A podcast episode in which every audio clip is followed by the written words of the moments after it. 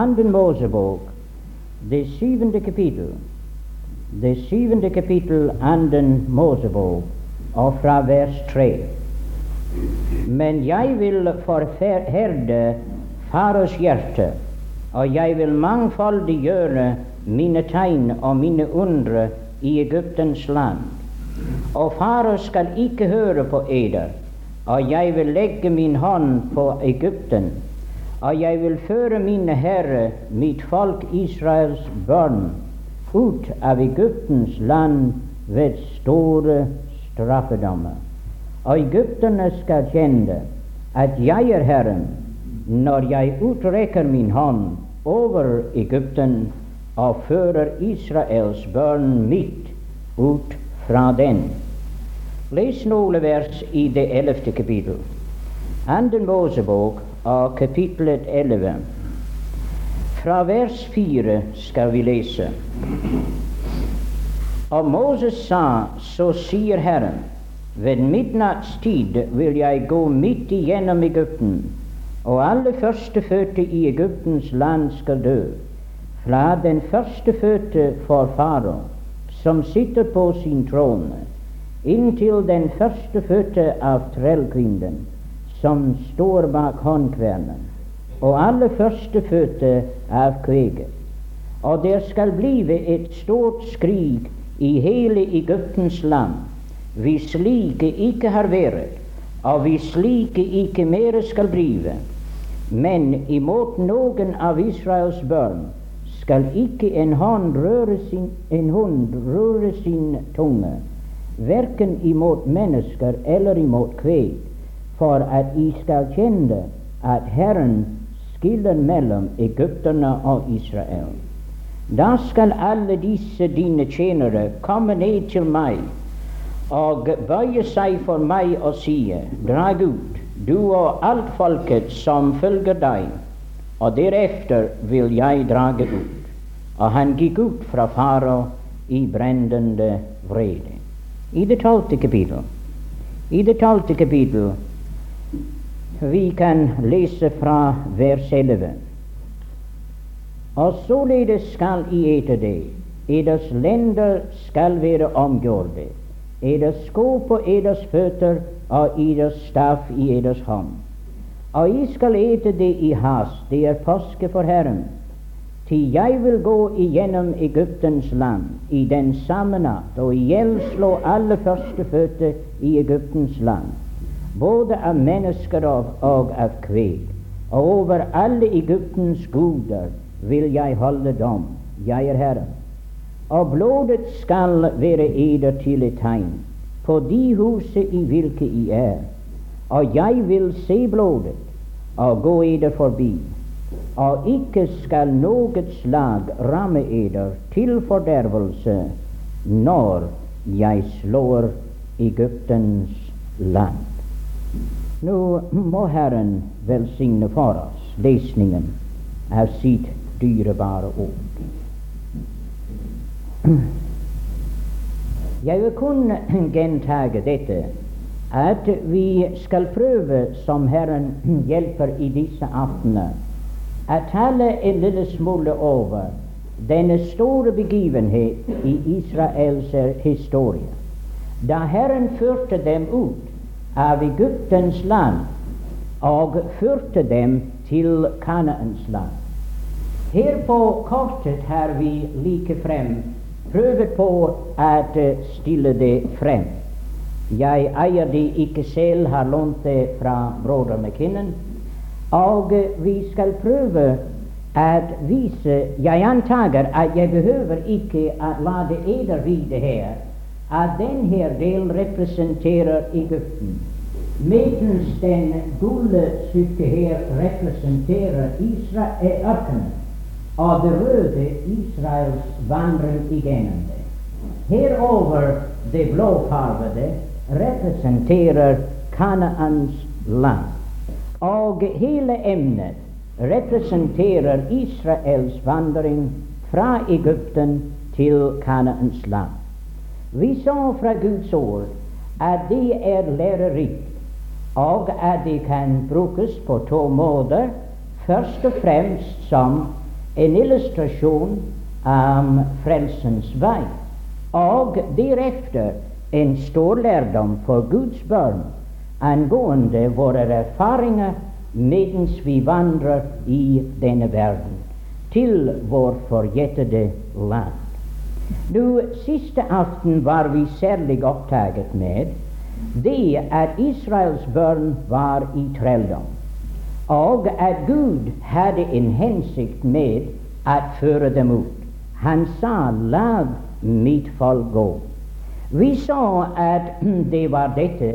De var under den store faros trelldom. Faro representerer for oss Satan selv, og Egypten illustrerer for oss hans rike, og viser for oss at mennesker er like frem i den tid under Satans makt og herredømme.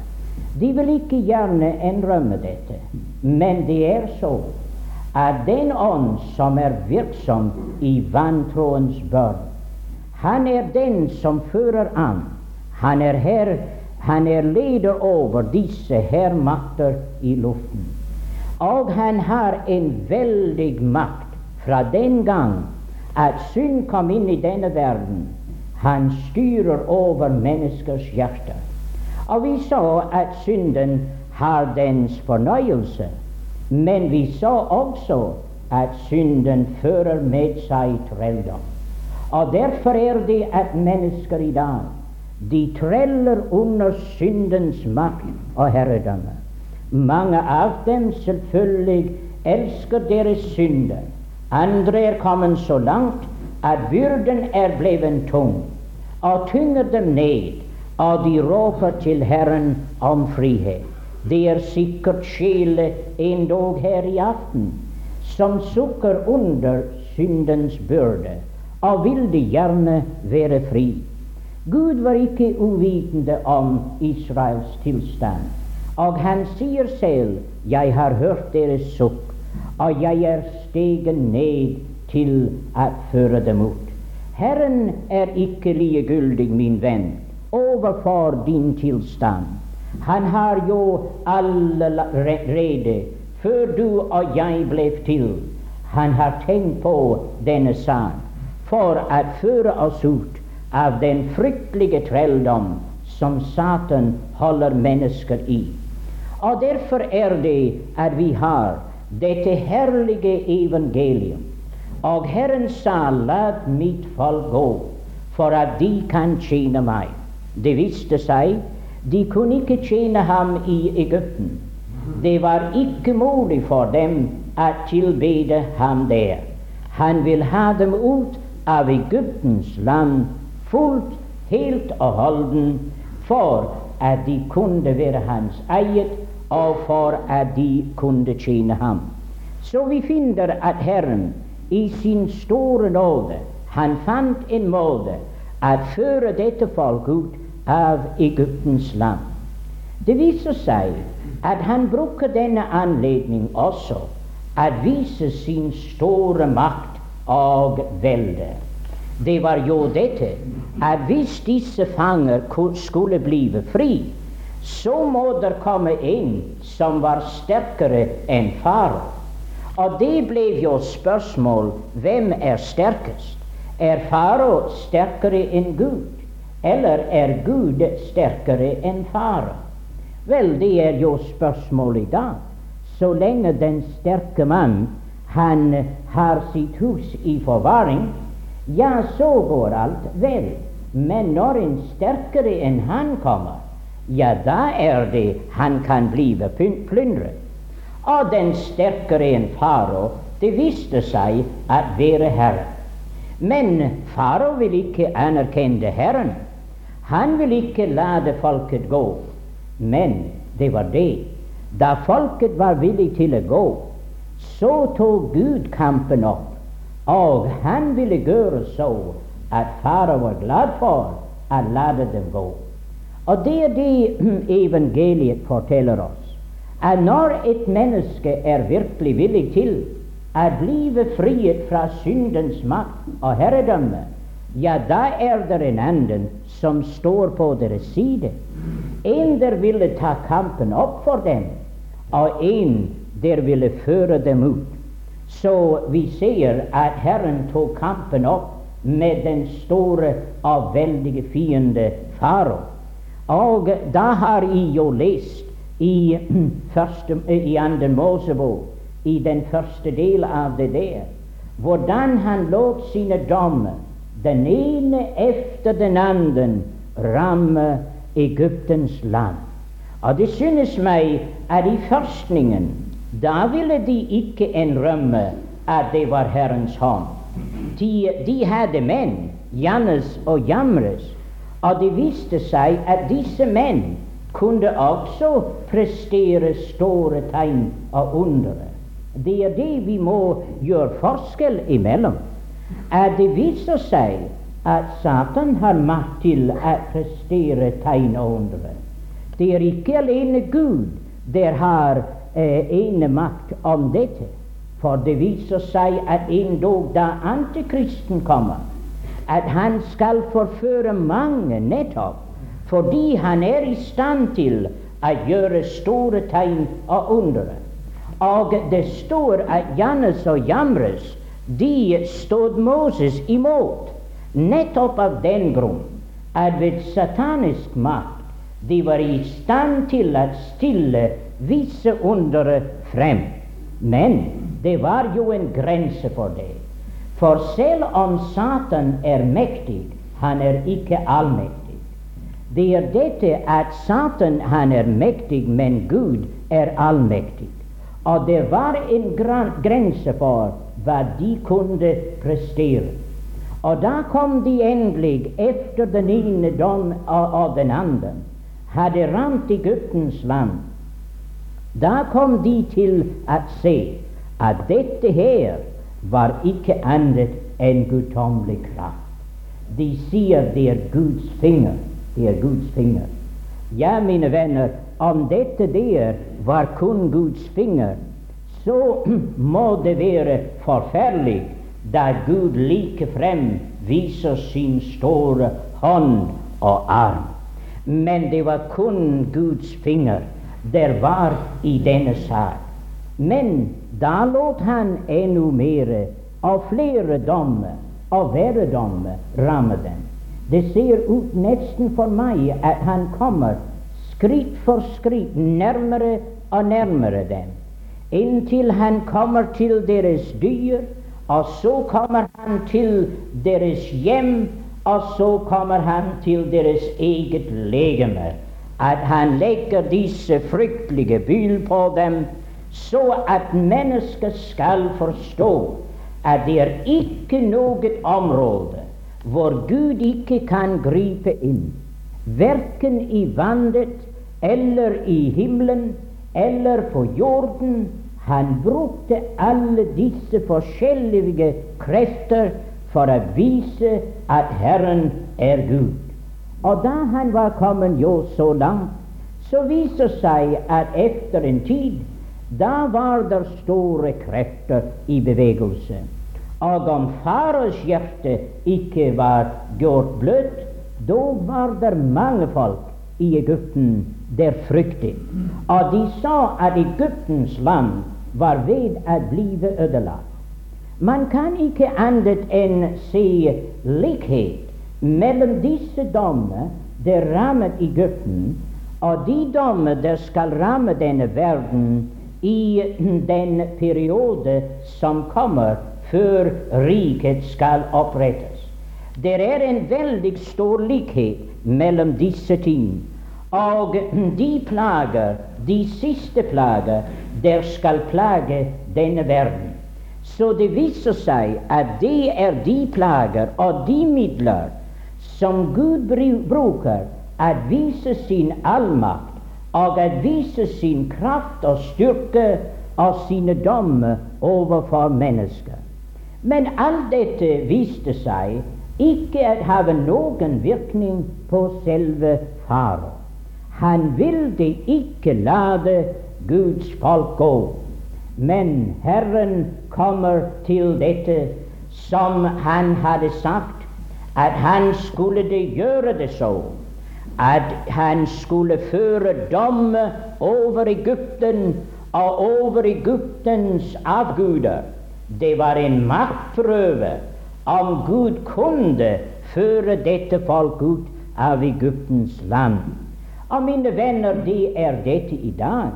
Det er en maktprøve om Gud han kan frelse sjeler og føre syndere over fra Satans makt inn i Guds veldige rike. Det er en maktprøve. Og jeg hører noen der taler om store tegn og undere, men jeg kjenner ikke noen større under enn dette, at Gud i sin store makt, han frier en sjel ut av Satans makt og herredømme og fører den sjel over i Hans elskede Sønns rike. Dette er jo det største under det kan skje i denne verden. Og vi er her i aften som et vitnesbyrd på at Herren har grepet inn i ditt liv og mitt liv, og Han har gjort den store under at vi er friet fra Satans makt og herredømme og vi er ført over i Hans elskede Sønns rike. Og nå viser det seg at Herrens hånd blir tungere og tungere over Egypten og over far.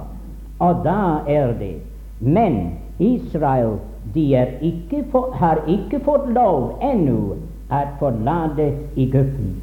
Ja, mine venner, jeg tror at det er det at han vil lære oss si dette, at endog kraft er ikke nok til å føre deg og meg ut av Satans makt og herredømme. At endog en maktprøve i denne forstand er ikke tilstrekkelig å frie en synder ut. Det må være noe annet. Og hva er det? Forløsning, min venn. Forløsning, det skjer, og det skjer på en bestemt måte.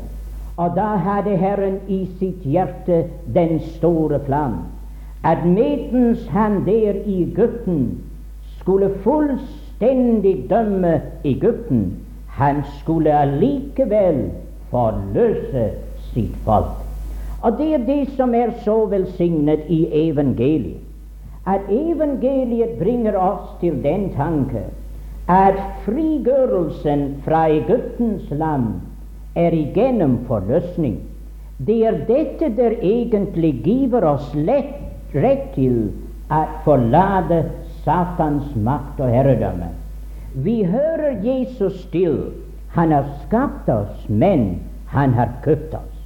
Han har kjøpt oss med sitt dyrebare blod. Og vi må aldri glemme dette, at det største faktor i evangeliet er en kjærlighet der var sterkere enn døden. Og der ved Golgatas kors er det at Gud ikke alene viser sin makt, for jeg tror han viser sin makt i Golgata. For ved døden han tilintetgjorde ham som hadde dødens velde. Men jeg tror også at Gud viser sin kjærlighet imot oss. At Kristus døde for oss medens vi ennå var syndere. Så derfor må vi forstå den store og velsignede sannhet at forløsning det er ved Jesu Kristi dyrebare blod. Da Gud således ville forløse sitt folk, da er det at han viser dem at hele landet er under dom. Det var dom over de førstefødte i Egyptens land. Og således er det med hensyn til denne verden. Der er dom over hele denne verden. Denne verden er allerede dømt. Og det er ikke bare de førstefødte, men det er alle mennesker som er under Guds allmektige dom. Det er veldig å tenke på dette, at vi er allerede dømt fordi vi tror ikke på Hans Sønn er det ord som er satt om mennesker i denne verden. Så denne verden er under Guds dom, men det er en forløsning. Og denne forløsning er i Jesus Kristus. Og det viser seg at Herren han tager den tanke frem, og han fremstiller forløsning i selve lammets blod.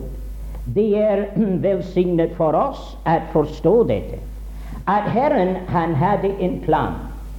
Og denne planen er så like til og så velsignet og herlig at han således stiller frem lammet som den eneste forløsning fra Egyptens land.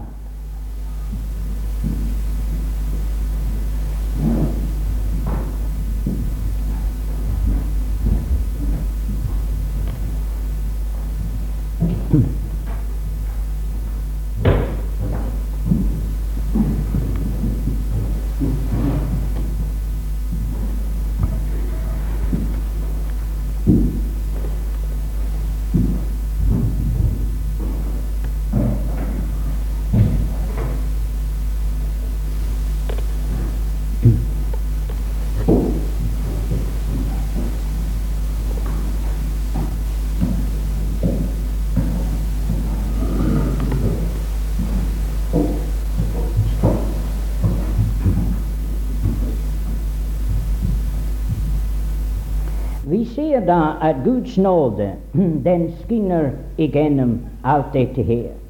Og da er det han kommer til dette om at vi skulle tage et lam. Dette lam skulle jo tages i forveien. Og det er det som vi vet, at lammet her det er ikke noe som er så klart og tydelig at det peker frem til Kristus selv. For Peter han minner oss om lammet, at den var forutsett før denne verden ble til.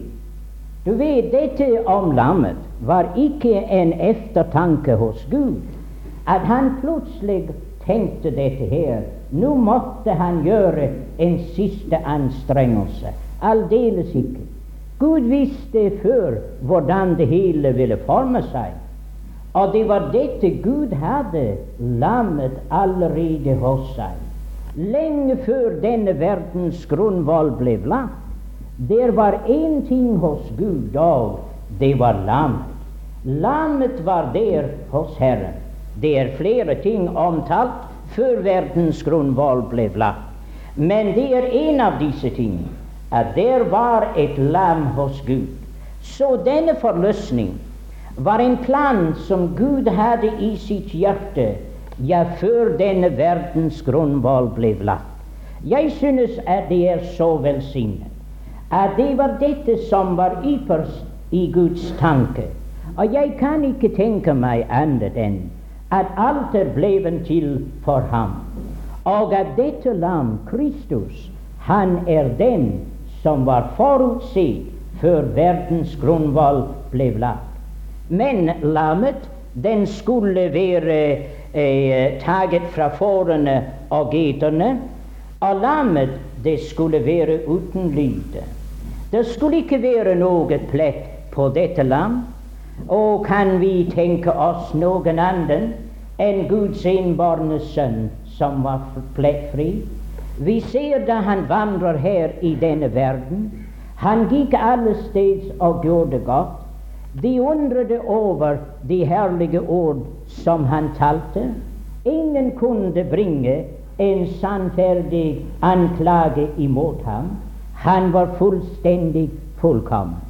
Det er det at dem som ville anklage ham, de var falske vitner.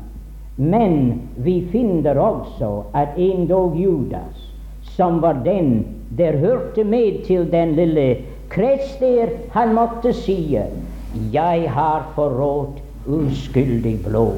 Han var plettfri, mine venner. Og hva sier Gud selv, Faderen? Faderen sier, 'Denne er min sønn, den elskede, i hvem jeg har velbehag'. Om Pilatus ikke kunne finne skyld hos ham, Det var mulig en annen kunde, nemlig Gud. Men Gud sier 'Denne er min sønn, den innbårne, i hvem jeg har velbehag'. Og det er det vi må være klar over. Om Jesus Kristus ikke hadde vært lammet forutsett før verdens grunnvoll ble lagt, så kunne han ikke ha sonet for dine og mine synder. Hadde han ikke vært det plettfrie lam, da kunne han heller ikke sone for dine og mine synder. Men han var Guds enbårne sønn, og han var plettfri. Så lammet der kunne løse dette folk ut, må være forutsett til det, og må også være plettfri. Men det var jo dette at den skulle slaktes. Det var ikke et levende lam her som skulle således bringe velsignelse. Nei, her var det at dommen var satt over det førstefødte. Og hva var dommen over det førstefødte? Blodet måtte flyte. Enten den førstefødtes blod eller lammets blod. Hvis lammets blod fløt, så kunne den førstefødte blive fri. Men hvis ikke, så må den førstefødte dø. Og det minner våre hjerter om at her må døden til. Guds dom over oss var døden. Og ikke alene døden, men den evige død.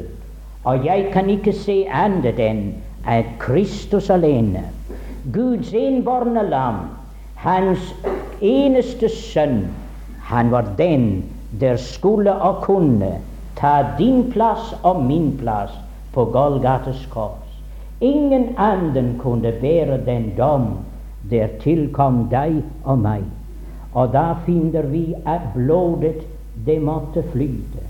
Og der ser vi på Golgates kors vår velsignede frelser. For han er den som er til forløsning for oss. Vi ser blodet løpe fra hans hender, hans føtter fra hans kronede pande, ja, fra hans side blod og vann da han døde. Å, mine venner, lammets blod, den måtte flyte. Vi er ikke forløst ved forgjengelige ting, som sølv eller gull, men med Kristi dyrebare blod. Og intet annet kunne løse en synder ut uten Kristi dyrebare blod. Blodet måtte løpe på Golgata. Men det står at de skulle ikke bryte noen ben på det. Ikke bryte noen ben på det. Og merkelig nok, da de kom til Golgata, og så ville de bryte ben på Kristus. Nei, det fikk de ikke lov til.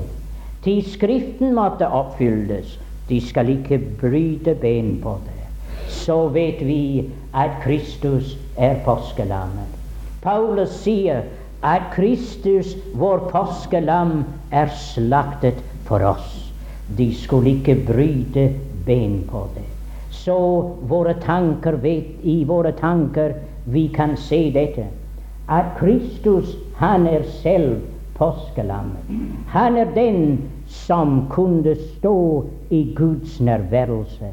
Han er den hvis blod alene kunne løse oss ut fra den fryktelige trelldom.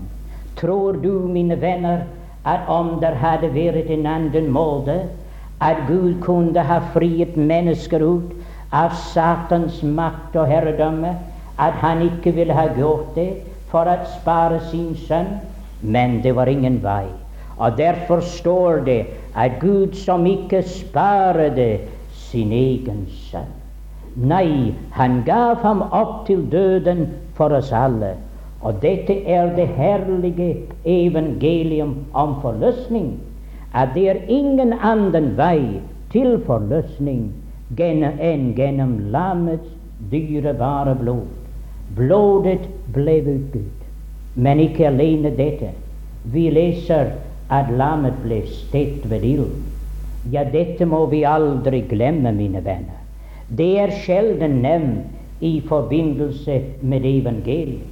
Men jeg tror at det er like så viktig som at blodet ble utgitt. Jeg kan ikke tenke annet enn at disse tre mørke timer på Golgata, det er dette som er fremstilt i stekt ved ild. Det var dette at på Golgates kors Jesus led ikke bare disse legemlige lidelser som du og jeg ser, men det var noe dypere enn alt dette.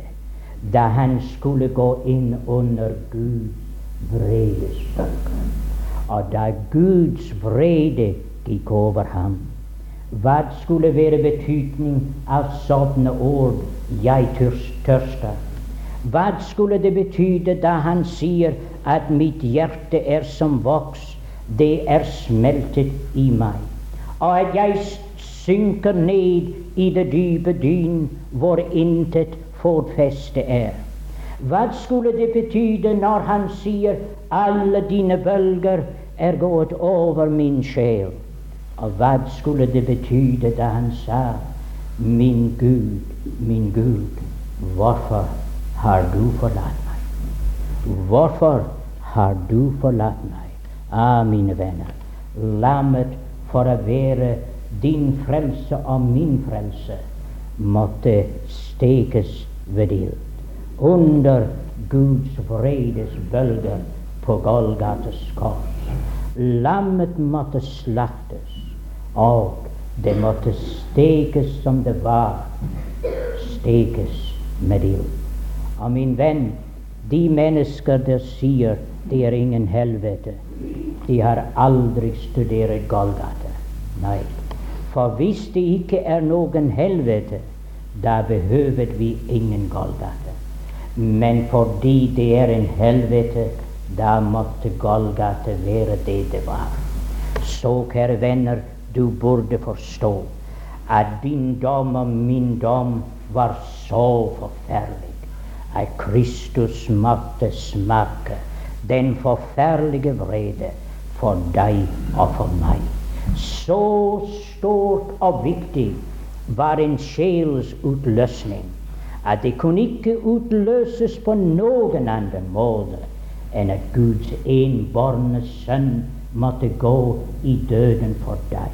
Har du tenkt, min venn, at din sjel er så dyrebar?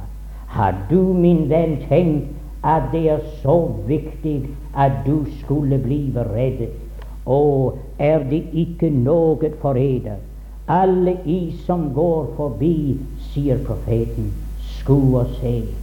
Om det er noen sorg som min sorg, som er gjort mot meg, som Herren har gjort mot meg på Hans store vredestad. Å, tenk der på Golgata måtte han være en soning for dine og mine synder.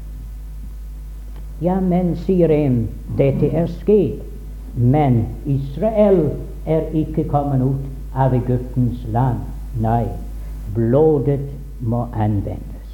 Og det var dette som Herren lot oss vite, hvordan det personlige ansvar kommer frem for mennesker. Og det er dette at anvende blodet. Derfor var det at de skulle tage isop, og med isop det skulle dyppes i blodet, og den skulle stenkes på dørstolpene og det øverste tre. For det var det de måtte gjøre. Blodet må være anvendt. Det var ikke nok at lammet ble slaktet. Det var ikke nok at lammet ble stekt, men blodet måtte anvendes. Og det er det, min venn, som du må forstå. Hvordan er du stillet overfor dette? Du sier 'jeg tror at Jesus døde for våre synder'. Men har du anvendt det, kan du si 'jeg tror at han døde for mine synder'. at det er noe annet. At han døde for hele verden, det er mange vil si. Men Paulus sier Guds sønn som elsket meg og ga seg selv for meg, at da hadde han anvendt blodet. Han var under blodets beskyttelse. Og det er kun de der har anvendt blodet. Jeg kan ikke si annet enn at Isop må være et bilde på tro. Jeg vet at det er mennesker som har høye og merkelige tanker om dette med tro. Men det er merkverdig at Herren har nettopp befalet at de skulle ta Isop, det som var så ganske alminnelig i Egyptens land. En lille plante der lige frem vokset ut av veggen alle veiene og alle steder. Og det var nettopp det som skulle tages for å anvende blodet. Men jeg kan ikke se annet, mine venner, enn at det er tro. Og hva sier Bibelen? Han sier at troen er din. Hva sier troens ord? Er deg nær. Det er i din munn. Det er i ditt hjerte, troens ord, som vi forkynner. Det er deg nær. Og min venn, det er dette om vi tager imot menneskets vitnesbyrd, så er Guds vitnesbyrd større. Om du tror et menneske, så må du meget heller tro Gud. Og derfor er det at troen er det som anvender blodet. Har du, min venn, anvendt blodet? Du sier lammet er slaktet. Ja, og lammet har vært stekt. Men er blodet anvendt? Det var kun de der hadde anvendt blodet i Egyptens land. Der var trykket. Det var ikke tale om at på noen annen måte kunne de være trygge. Blodet må være på dørstolpen. Til Gud sier 'Jeg vil se blodet' og gå eder forbi. Det var ikke at de skulle se blodet. Nei, det var at Gud skulle se blodet. Gud skulle se at døden hadde vært der i dette hjem. Og der hvor døden hadde vært, der skulle dommen ikke ramme. Og det er akkurat det samme i dag. Vi sier i dette herlige ord i Romerbrevets 18. kapittel det er ingen fordømmelse for dem som er i Kristus Jesus. Men hvorfor? Fordi dommen allerede har ramt deg Kristus døde for deg og meg. Døden har vært der, og den kan ikke komme to ganger. Nei, det er bare én gang. Så det er et menneskes lov én gang å dø. Så er det at døden kommer én gang. Men da Kristus døde for deg og meg, så er du og jeg fri. Og det er det døden har vært der. Derfor kan Gud se blodet. Der har dommen allerede vært. Så stod Gud der, og dommen den gikk forbi. Det er velsignet, min venn, å være under blodets beskyttelse. Men kanskje er det noen av de tenkte ved seg selv det kunne være meget bedre å henge noe annet opp på døren. Jeg synes blodet det pynter ikke på døren. Og de vil ha noe det var mer pyntelig. Ja, så er mennesker i dag. Og det er mange der likefrem har andre ting hengt opp på døren. Jeg behøver ikke assistere dem for eder. Jeg kjenner selv hvor mange mennesker stiller deres gode gjerninger frem. Og de stiller deres religion frem av forskjellige ting. Men, mine venner, Guds ord sier når jeg ser blodet, vil jeg gå eder forbi. Om du stiller alle disse ting frem ved siden av blodet Gud ser ikke engang på dem. Nei, han ser kun på blodet. Og så kan du være, min venn, like så trygge for det om du ikke har det andre. Om du har blodet, til det er dette der gjelder. Og at mennesker kunne forstå i dag at det er ikke frelse i noen annen, at det er ikke noe annet navn under himmelen givet blant mennesker ved ved de kan frelses, det er blodet alene. Og min venn, om du ikke har anvendt blodet, det er like meget hva andre du har stillet opp ved døren. Det har ikke noen virkning. Når jeg sier blodet, vil jeg gå eder forbi. Så te, se til, min venn, at du er kommet inn under blodets beskyttelse. Til der og der alene er der trygghet. Der var jo kun ett sted der var trygt i Egypten. Det var under blodets beskyttelse. Det var kun ett sted de var trygt i Noas dager. Det var i arken. Det var kun ett sted de var trygt den gang i Jeriko, og det var i Rahabs hus. Og det er kun ett sted det er trygt i dag, og det er i Kristus og Hans rensende blod. Min venn, er du der? Dommen skal ramme denne verden. Av hver eneste sjel som ikke er under blodets beskyttelse, kommer inn under den veldige dom. Så skynd deg, min venn, innen det blir for sent, at finne ditt skjul under Jesu Kristi dyrebare blod. Skjul deg, min venn, under Hans vinger, for det er dette. Det står 'den som bor i den høyeste skjul'. Og jeg kan ikke tenke meg annet enn dette har med nådestolen å gjøre. Og kerubernes vinger der over nådestolen, den der har vært til nådestolen hvor blodet er utgitt, han er under den allmektiges vinger. Og den natt i Egyptens land, Israel, var ikke bare under blodets beskyttelse, men de var under den allmektiges vinger. Han stod der, og da måtte dommen gå forbi. Salig den sjel som er under blodets beskyttelse, til Gud står der, og du er under den allmektige skygge ikke mindre enn så. Så det er dette som vi forkynner i aften, min venn, for deg. At like som forløsning for Israel var i det dyrebare blod alene, så er forløsning for mennesker i aften i Jesu Kristi dyrebare blod. Lammets blod i Egypten, Kristi blod i denne tidshusholdning, ja, i denne dag, det er det eneste forløsning for din sjel. Har du, min venn, benyttet deg av det? Er du gått inn under blodets beskyttelse? Har du anvendt blod? Hvis du har, så er du trygg, min venn. Ja, sier en, men jeg føler meg ikke så trygg. Men det hadde ikke noe å si hvor trygt de følte seg.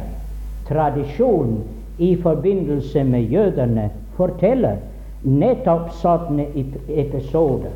Av denne var det noen av de førstefødte, og de kunne aldeles ikke nyte eh, tingene fordi de var redd. Ja, de forstod Guds ord om dommen, men de hadde ikke forstått Guds ord om forløsning. At det er, det, noen de er redd. De forstår og tror Guds ord om dommen. Men de vil ikke tro Guds ord om forløsning. Ja, men en annen kunne si mon jeg har den riktige slags tro.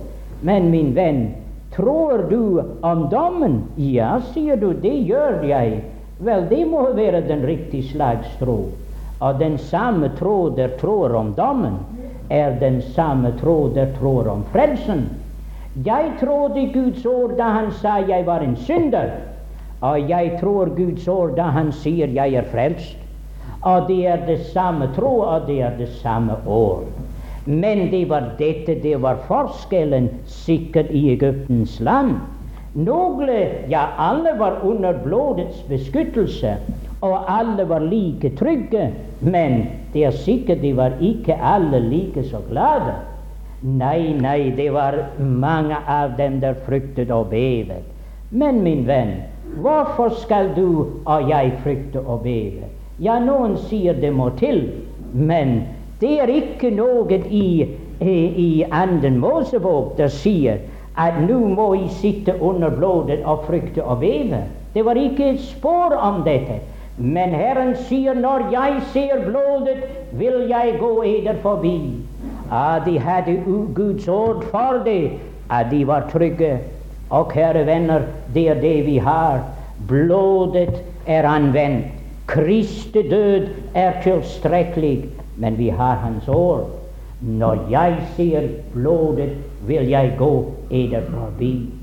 Jeg var et sted, og jeg talte, og jeg sa dere er noen, og de hviler på én ting for deres frelse. Men jeg skal si at jeg hviler på to. Og da var de jo litt forskrekket, for de kjente meg ikke. Og de tenkte han må ha noe nytt, det er vranglære han kommer med. Nei, men det var ikke. Det er dette, min venn. Jeg hviler på hva Kristus har gjort. Derfor er jeg trygg. Jeg hviler på hva Gud har sagt, og derfor er jeg glad. Og det er dette du må gjøre også. Hvile på hva Gud, Kristus har gjort. Det gjør deg trygg. Du er under blodets beskyttelse. Men tro hva Gud har sagt, så blir du glad. Når jeg ser blodet, vil jeg gå eder forbi. Og om det er en sjel her i aften som ennå ikke er kommet inn under blodets beskyttelse, så ville jeg ønske at nå nettopp i denne stund at du vil komme som du er.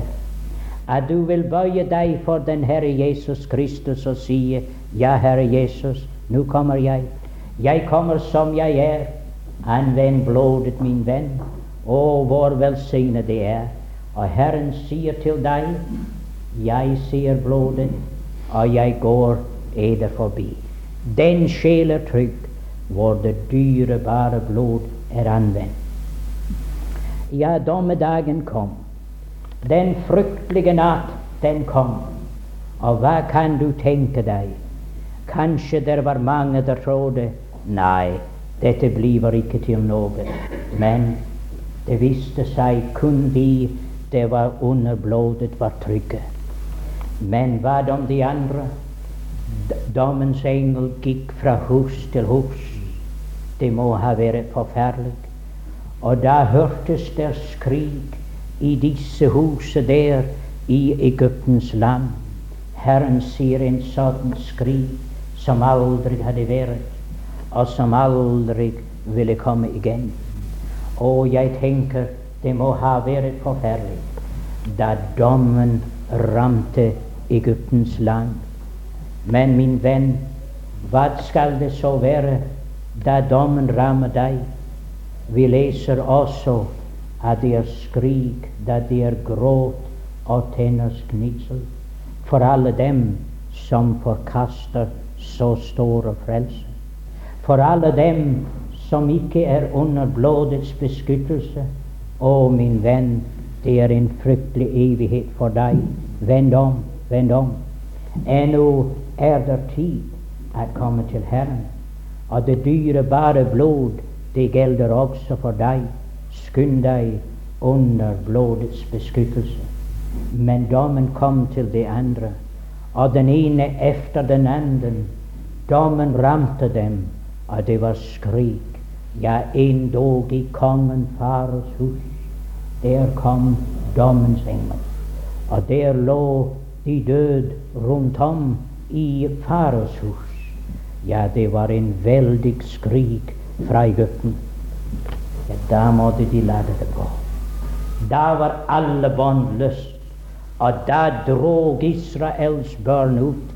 Ja, de skyndte seg å få dem ut, for de mente at Guds dom ville ramme dem alle sammen. Og da drog Israels barn ut i hast, fordi Herren hadde latt dem vite at således ville de gå. Så da dro de ut. De hadde sko på føttene. De hadde lenderne omvunnet, og de hadde stav i hånden. Og da dro de ut av Egyptens land. Å, kjære venner, det er velsignet at vi som er Guds barn, vi holder påske. Det står i Korintierbrevet at Kristus, vår påskelam, er slaktet. Derfor skal vi holde høytid. Og hvordan skal vi holde høytid? Vi skal holde høytid på denne måte, med lendene omvunnet, med sko på føttene og med stav i hånden. Hva vil dette si? Reiseklar? Reiseklar? Ja, kanskje allerede i natt er vår siste natt i Egyptens land. Kanskje Herren han kommer innen morgenen, og da drager vi ut. Hva jeg forstår fra de ting der hender i denne verden, jeg tror at Herrens komme er ganske, ganske nær. Derfor burde vi være reiseklare, med lendene ombundet, med stav i hånden, rede til å drage ut. Og den natt var det at Gud gjennom den store og herlige onde med blodet på dørstolpen og det øverste tre, da friet han sitt folk ut av guttens land. Du sier, jeg forstår ikke hvordan det kunne være at blodet på dørstolpen og dommen på fares og i, i Egyptens førstefødte kunne virke at alle lenker ble løst. Å, mine venner, det er dette at Gud står bak det med sitt ord. Og det er dette som er i evangeliet.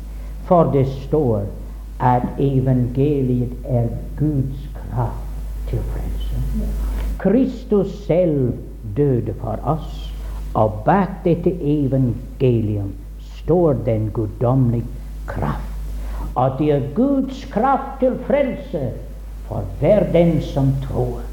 Og det er ikke en eneste sjel der vil tro på den Herre Jesus Kristus, som ikke skal erfare dette, at alle bånd blir løst, at Satans makt blir knust, at du blir ført over fra Satans makt inn i Guds elskede Sønns rike. Du kanskje frykter, min venn, men husk på det, at Herrens makt er bak deg og vil føre deg ut og føre deg igjennom til det forjettede land. Således ble Israel forløsende blod. Og således er det at trelle i dag over hele verden det blir løst fra Satans makt og herredømme. Er du forløst, min venn? La deg frie ut i aften fra Satans makt og herredømme. Anvend blodet. Tro på Guds innbårne sønn. Og så vil du også erfare at det er herlig å være frihet fra Satans makt og herredømme. Og du kan stå reiseklar, så at om Herren kom i natt, du vil drage ut fra denne verden inn i det evige himmelske land. Må Gud velsigne sitt evangelium at sjelen her i aften må komme og skjule seg under Jesu Kristi dyrebare blod. Skal vi be da?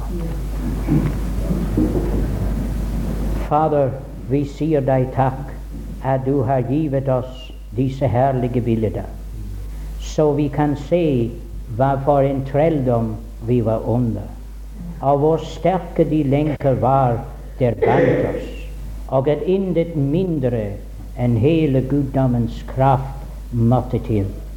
Og Fader, ikke mindre enn din Sønns dyrebare blod. Å, hvor kostbare vår forløsning har vært. Men å Gud, vår Gud, det er derfor vi kommer til deg med en lovsang og en lovprisning og en takksigelse i denne aften. At du har lyst våre lenker, at du har ført oss ut, at du har friet oss fra Satans makt og herredømme. Og Herre, du skal ha æren for det, både nå og i all evighet. Derfor beder vi om at du ved din Hellige Ånd ville virke i hjertene her i aften, så at ikke en eneste sjel som har vært til dette møtet, må forlate det uten de har denne visshet i hjertet at de er frihet fra Satans makt, at de er under blodets beskyttelse. Så velsign ditt ord, Fader, og la ditt ord virke i hjertene her og rundt om i denne bygd, så at ditt navn må blive forherliget, og at mange sjeler måtte bøye seg for deg. Så hør du vår bønn i din Sønns høylovede navn. Amen.